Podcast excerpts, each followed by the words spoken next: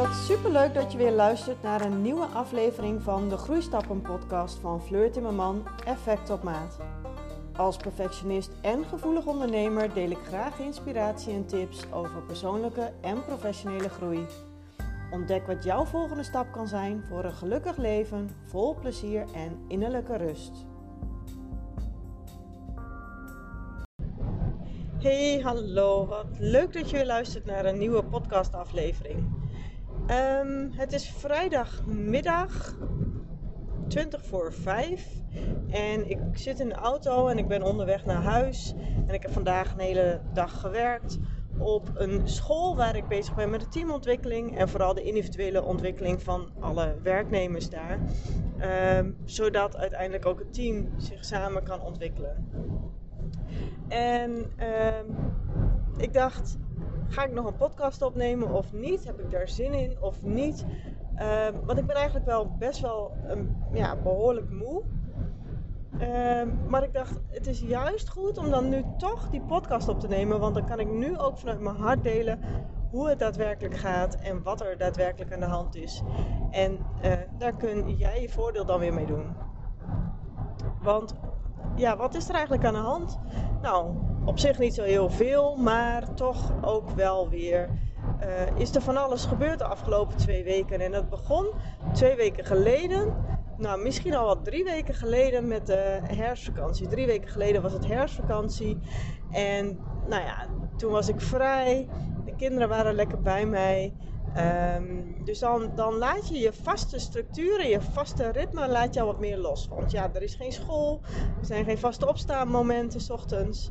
En uh, alles gaat in een wat relaxere modus. Je hebt geen afspraken staan. Um, dus dat is eigenlijk wel heel erg lekker. Tenminste, ik vind dat heel erg fijn om echt even een weekje dan vrij te zijn en niet met het werk bezig te zijn. Um, want dan merk ik ook gewoon weer aan het einde van die twee weken, of van die week vakantie, merk ik dat ook altijd.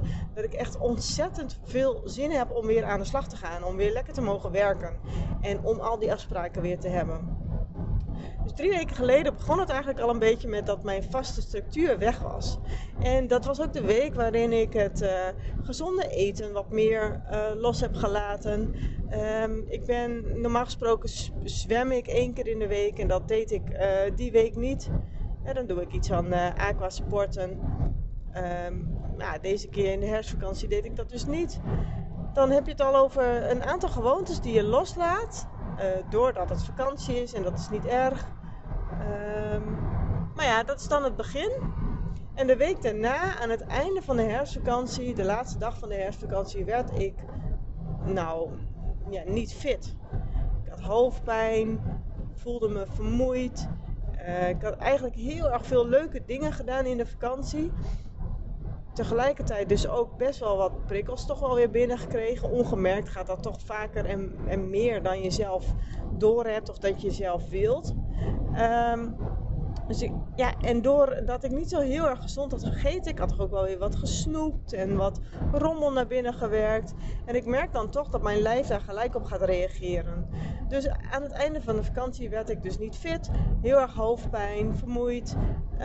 Um, nou, ik had ook wel wat snot. En nou ja, op een gegeven moment ging dat toch wel weer wat beter in het weekend.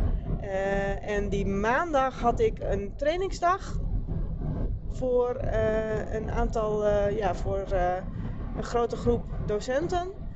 En dan ben je de hele dag, nou in mijn geval ben ik dan aan het geven en aan het geven. En ik, ik sta daar gewoon voor 100%. Maar doordat je je dan niet heel erg fit voelt, kost het je misschien geen 100%, maar 120%. En dat, uh, ja, dat is best wel veel energie. Dus ik was s'avonds ook echt back af. En die dinsdag had ik ook nog allerlei afspraken staan. En die woensdag werd ik toch echt uh, definitief echt ziek. Dus ik ben toen ook uh, thuis gebleven. En ik heb ook alle afspraken afgezegd voor de rest van de week. En lekker voldoende rust genomen dat ging eigenlijk wel weer beter en prima. En ik, werd ook, uh, ik herstelde ook lekker. En ik kon dat ook gewoon lekker, uh, ja, lekker toelaten. En kon ook lekker mild naar mezelf zijn. En accepteren en loslaten. En dat het allemaal even niet werd. Maar goed, tegelijkertijd um, um, ging ik dus weer die week niet sporten.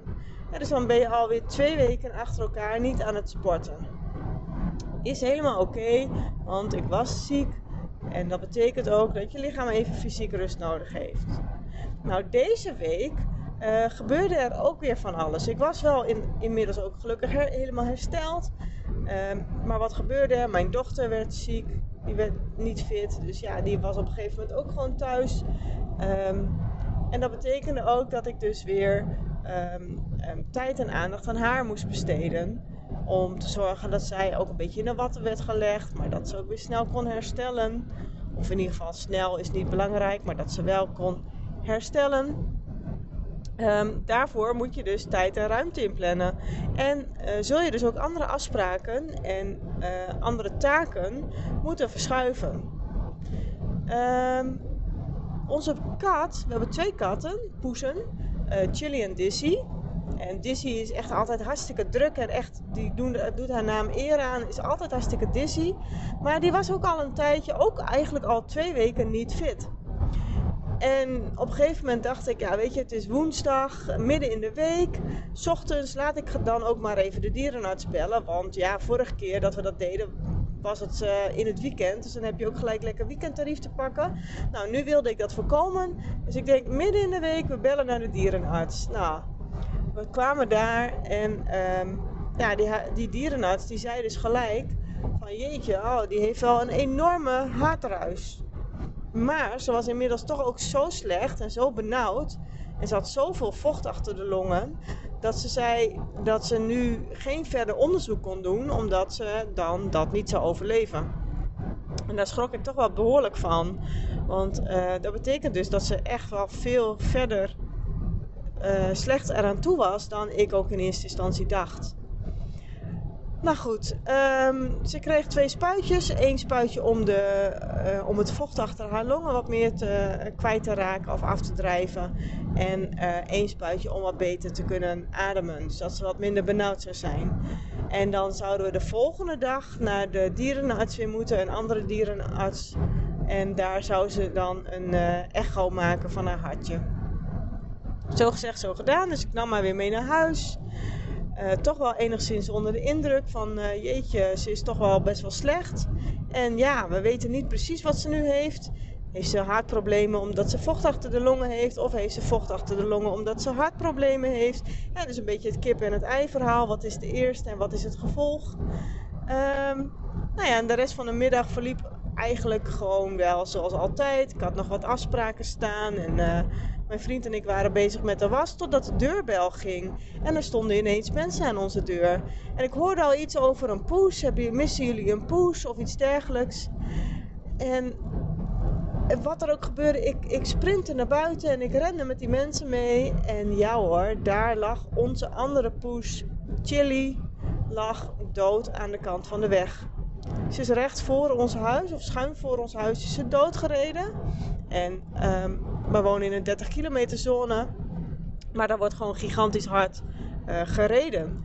En ze is zo hard aangereden dat zelfs haar oog, uh, niet zo heel smakelijk, maar haar oog lag er gewoon half uit. Zo'n grote klap heeft ze gehad en uh, er lag ook een grote plas bloed op de weg. Um, ja, die had ik niet helemaal zien aankomen. Want ik was die dag bezig met onze andere poes, Dizzy. En vervolgens uh, aan het einde van de dag wordt je andere kat gewoon aangereden. Um, nou, dat vond ik best wel even heftig en dat raakte me ook. En ik uh, was heel erg verdrietig en kon mijn uh, tranen ook wel gelijk toe, toelaten. Um, ja, best wel heftig. En dan, ja, het was rond etenstijd, het was rond vijf uur. Dus uh, je, gaat eerst even wat mensen uh, berichten. Um, met mensen in gesprek. Maar ja, op een gegeven moment heb je ook nog vier kinderen staan. En uh, ja, zullen we toch ook moeten gaan eten maken? Um, ga je toch weer over tot de orde van de dag. Maar het heeft mij ontzettend geraakt die dag. En ik, ik, ik kon er niet meer bij met mijn hoofd. En ik weet nog dat ik voor die dag een YouTube-video gepland had staan om die te gaan plaatsen op YouTube. Maar overdag was die video ook al vastgelopen. En het lukte me niet om te bewerken. Nou, hè, dus de, ook een ziekenhuisbezoek of een dierenartsenbezoek met de ene kat, de andere kat doodgereden. Het was gewoon niet mijn dag. En mijn dochter was die dag ziek. eh, dus toen dacht ik ook, nou laat maar, veeg mij maar op. Dit is niet mijn dag. Niet mijn week. Of blijkbaar niet mijn weken. En ja, weet je, dan is het ook belangrijk om alles gewoon even los te laten. Want je kunt wel door blijven trammen en door blijven rammen. Ik kon me niet meer concentreren. Ik uh, kon niet meer op mijn woorden komen. Ik, ik, ik kon mijn taken niet meer goed voor elkaar krijgen. Dus ik heb mijn werk aan de kant gelegd. En uh, ik heb s'avonds nog flink potje zitten huilen. Ik heb de um, houtkachel aangedaan. En uh, ja, want ik hou van warmte. En als, uh, als, als ik warmte om me heen heb, dan, uh, dan ontspan ik ook veel makkelijker. Dus op dat moment moet je ook echt even voor jezelf gaan kijken: wat helpt mij nu? Wat heb ik nodig? Nou, in mijn geval is dat vaak warmte. Um, dus ja, de houtkachel aan en lekker ontspannen. Um, nou ja, een dag later uh, moesten we toch nog weer met de andere kat naar de dierenarts. En uh, nou, uiteindelijk blijkt dat zij een verdikte hartspier heeft. En dat komt vaak voor bij raskatten. Dit is geen raskat, maar het komt wel vaak voor bij raskatten. En um, die verdikte hartspier zorgt ervoor dat haar hart niet goed kan vullen met bloed. En daardoor kan het niet goed rondgepompt worden. En uh, uiteindelijk moet dat bloed, gaat dat bloed op een andere plek, in een of andere andere boezem van het hart, uh, komt dat terecht. En uiteindelijk, nou ja, al, het, uiteindelijk het hele verhaal komt erop neer dat zij uh, niet oud zal worden. Uh, en dat ze op zich nog een prima leven kan hebben, maar dat ze wel de rest van haar leven uh, medicijnen moet hebben. Ze krijgt de humane beta-blokkers en bloedverdunners.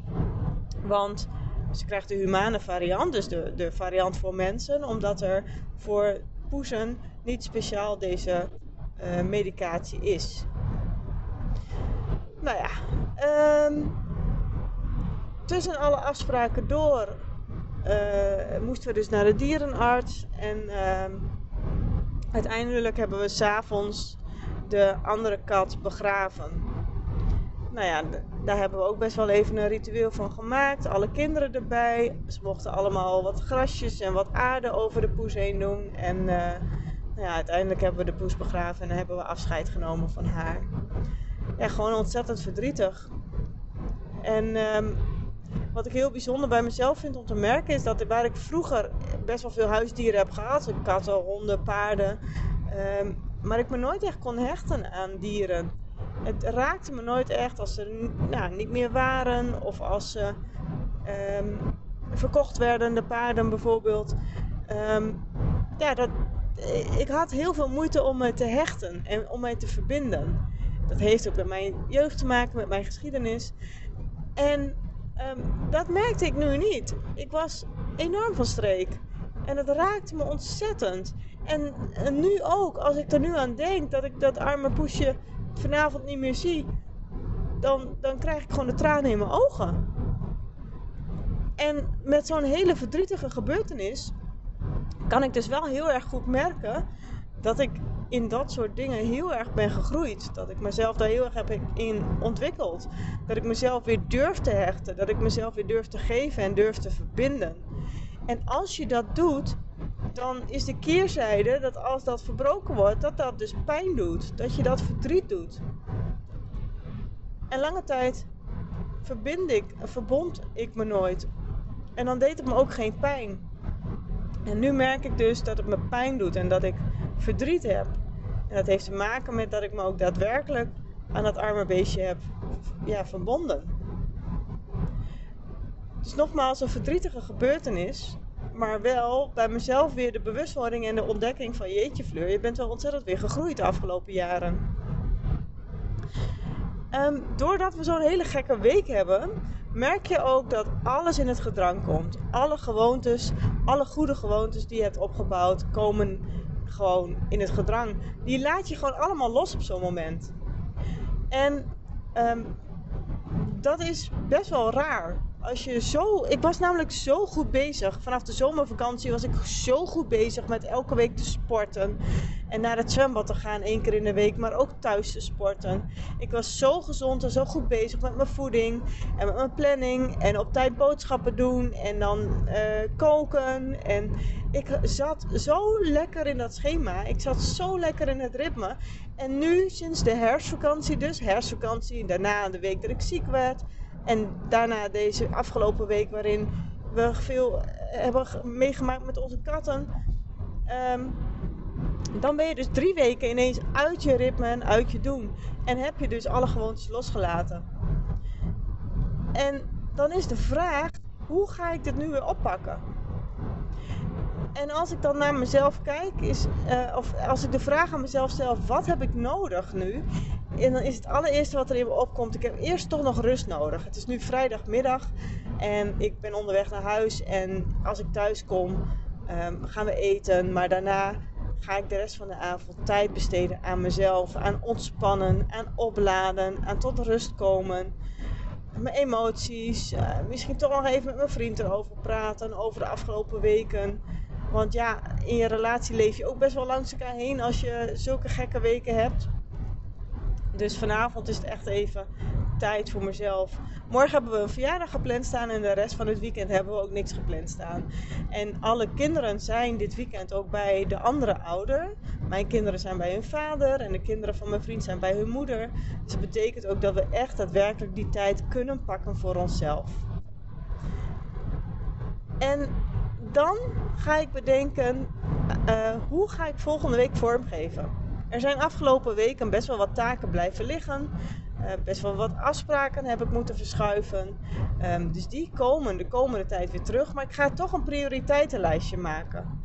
Wat is echt belangrijk, wat volgende week echt af moet? En als je heel erg strikt gaat kijken, dan is dat helemaal niet veel. Dan heb je helemaal niet veel echte keiharde deadlines. Tenminste, ik heb dat niet. Want de, de weken ervoor had ik alles al goed gestroomlijnd en gestructureerd in mijn agenda zitten. En dat maakt dus ook dat ik dit soort weken kan opvangen. Ik kan dit soort gekke weken er tussendoor hebben. Nou moet het niet zes, zeven weken gaan duren. Maar een week extra, de vierde week, zou ik echt ook nog wel kunnen opvangen. Maar ja, dus de komende week ga ik lekker stap voor stap kijken. Wat is belangrijk? Wat is een echte prioriteit? Wat heb ik nodig? Uh, en hoe kan ik ervoor zorgen dat ik weer lekker in dat ritme ga komen? En dat hoeft niet eind volgende week klaar te zijn. Het is belangrijk dat je wel weer je ritme gaat oppakken. Dat je wel weer je gewoontes gaat oppakken. Maar waar het fout gaat, of waar het misgaat, is dat we altijd alles maar perfect willen oppakken. als ik nu voor mezelf verwacht dat ik weer in hetzelfde ritme stap als vier, vijf weken geleden, dan sla ik daar de plank volledig mis. Want zo werkt dat nou eenmaal niet. En je kunt dus vergelijken met je spieropbouw. Op het moment dat je elke week aan het trainen bent en je vervolgens uh, word je ziek, dan neemt je spieropbouw af. En dan kun je niet meer de week daarna op hetzelfde niveau trainen.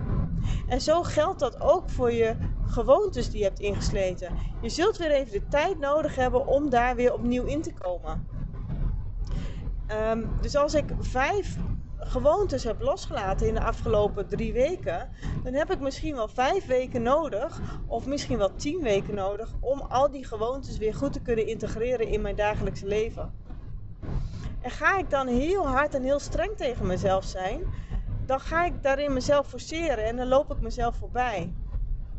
En dan heb ik ook groter kans of meer kans dat ik over drie, vier weken weer klote weken heb. Omdat ik dan mezelf aan het forceren ben, omdat ik dan aan het doorrammen ben. En dat is niet hetgeen wat je nodig hebt. En dat is niet hetgeen wat resoneert met jou op dit moment, met wie jij bent. Um, en dat wilde ik heel graag meegeven. Want weet je, in het dagelijks leven maak je van alles mee. En het kan soms zo zijn dat je op de goede weg bent. Dat je heel veel uh, positieve, goede. Uh, dat, je, dat je in die flow zit, zeg maar. En dan komt er iets tussen, waardoor je uit die flow gehaald wordt. En verwacht dan niet dat je op datzelfde niveau weer verder kunt. Maar geef jezelf de tijd en de ruimte om rustig in die structuur weer opnieuw te kunnen komen. Dat perfectionisme, dat stukje perfectionisme, ehm, daar heb ik nu ook een YouTube-video over opgenomen. En volgens mij heb ik dat nog helemaal niet gedeeld hier op de podcast. Maar ik ben ook begonnen om een YouTube-kanaal te plaatsen uh, of op te zetten. En het was de bedoeling dat ik daar één keer per week ook een nieuwe video op zou zetten. Nou, hè, uh, ik uh, ben altijd perfectionistisch geweest en dat, dat lukte me, zou me vroeger ook echt wel gelukt zijn. En nu laat ik daar iets meer, ja, kijk ik daar met wat meer ontspanning naar. En is het me niet gelukt om afgelopen week een video te plaatsen. Maar vandaag heb ik de video dus wel geplaatst. En die gaat over perfectionisme. En ik neem je daarin mee in jouw achterliggende behoefte achter jouw perfectionisme. En vertel je ook best een behoorlijk aantal oplossingsmogelijkheden daarvoor. En als je de video uitkijkt, heb ik aan het einde ook nog een hele leuke aanbieding voor je. Voor echt een belachelijk lage prijs bied ik dat aan, omdat het een, uh, de eerste keer is dat ik het aanbied. En daarna, voor de volgende keer, gaat de prijs ook echt direct omhoog. Dus ben jij eraan toe om met jouw perfectionisme aan de slag te gaan? Bekijk dan vooral mijn YouTube-video. Je kunt mij vinden onder Effect op Maat op YouTube. Abonneer je dan ook gelijk even op mijn kanaal, zodat je alle nieuwe video's niet mist. En bekijk daar mijn laatste YouTube-video over perfectionisme. En er staan twee andere YouTube-video's op. En de ene gaat over overprikkeling. En de ander moet ik bekennen dat ik dat nu even niet meer in mijn hoofd heb waar die over gaat. Maar er staan dus nu drie video's op. Dus ik hoop dat je daar naartoe wilt gaan om deze video's te bekijken. En ik zou het super vinden als je even een reactie achterlaat hoe je de video's vindt. En dat kan in de comments direct onder de, uh, de YouTube video. Nou, ik hoop dat je weer wat kunt met mijn persoonlijke les die ik uh, met je heb gedeeld. En dat is dus, als ik nog heel eventjes kort samenvat, je zit in de flow, je wordt eruit gehaald door wat voor omstandigheden dan ook. Externe omstandigheden, dingen waar je geen invloed op hebt of wat dan ook. Kijk met mildheid naar jezelf. Geef jezelf en sta jezelf ook toe om te ontspannen, om te rusten, om daadwerkelijk datgene te doen wat je nodig hebt, waar je behoefte aan hebt. En ga daarna, als je er weer aan toe bent om op te bouwen, stap voor stap je oude gewoontes weer opnieuw in je uh, dagelijkse leven inplannen. En trek daar dus ook gewoon echt een aantal weken voor uit. Hopelijk kun je er wat mee. En ik uh, hoop, je weer, uh, ik hoop dat je weer bij de volgende aflevering aanwezig bent. Hm. Doei doei! Dankjewel voor het luisteren naar de Groeistappen podcast van Fleur Timmerman Effect op Maat. Ik ben benieuwd wat jouw volgende stap is naar een gelukkig leven vol plezier en innerlijke rust. En wat jij van deze podcastaflevering vindt. Laat het me vooral weten door mij een bericht te sturen via Instagram of Facebook. En je kunt daar ook al je vragen aan mij stellen. En ik zou het heel erg waarderen als je mij helpt om mijn podcast te laten groeien, zodat mijn podcast zichtbaar wordt voor nog heel veel andere mensen die ook op zoek zijn naar een gelukkig leven vol plezier en innerlijke rust. Dit kun je doen door mijn podcast een sterrenreview te geven, door te delen op social media en aan zoveel mogelijk mensen te vertellen. Super bedankt en tot de volgende keer!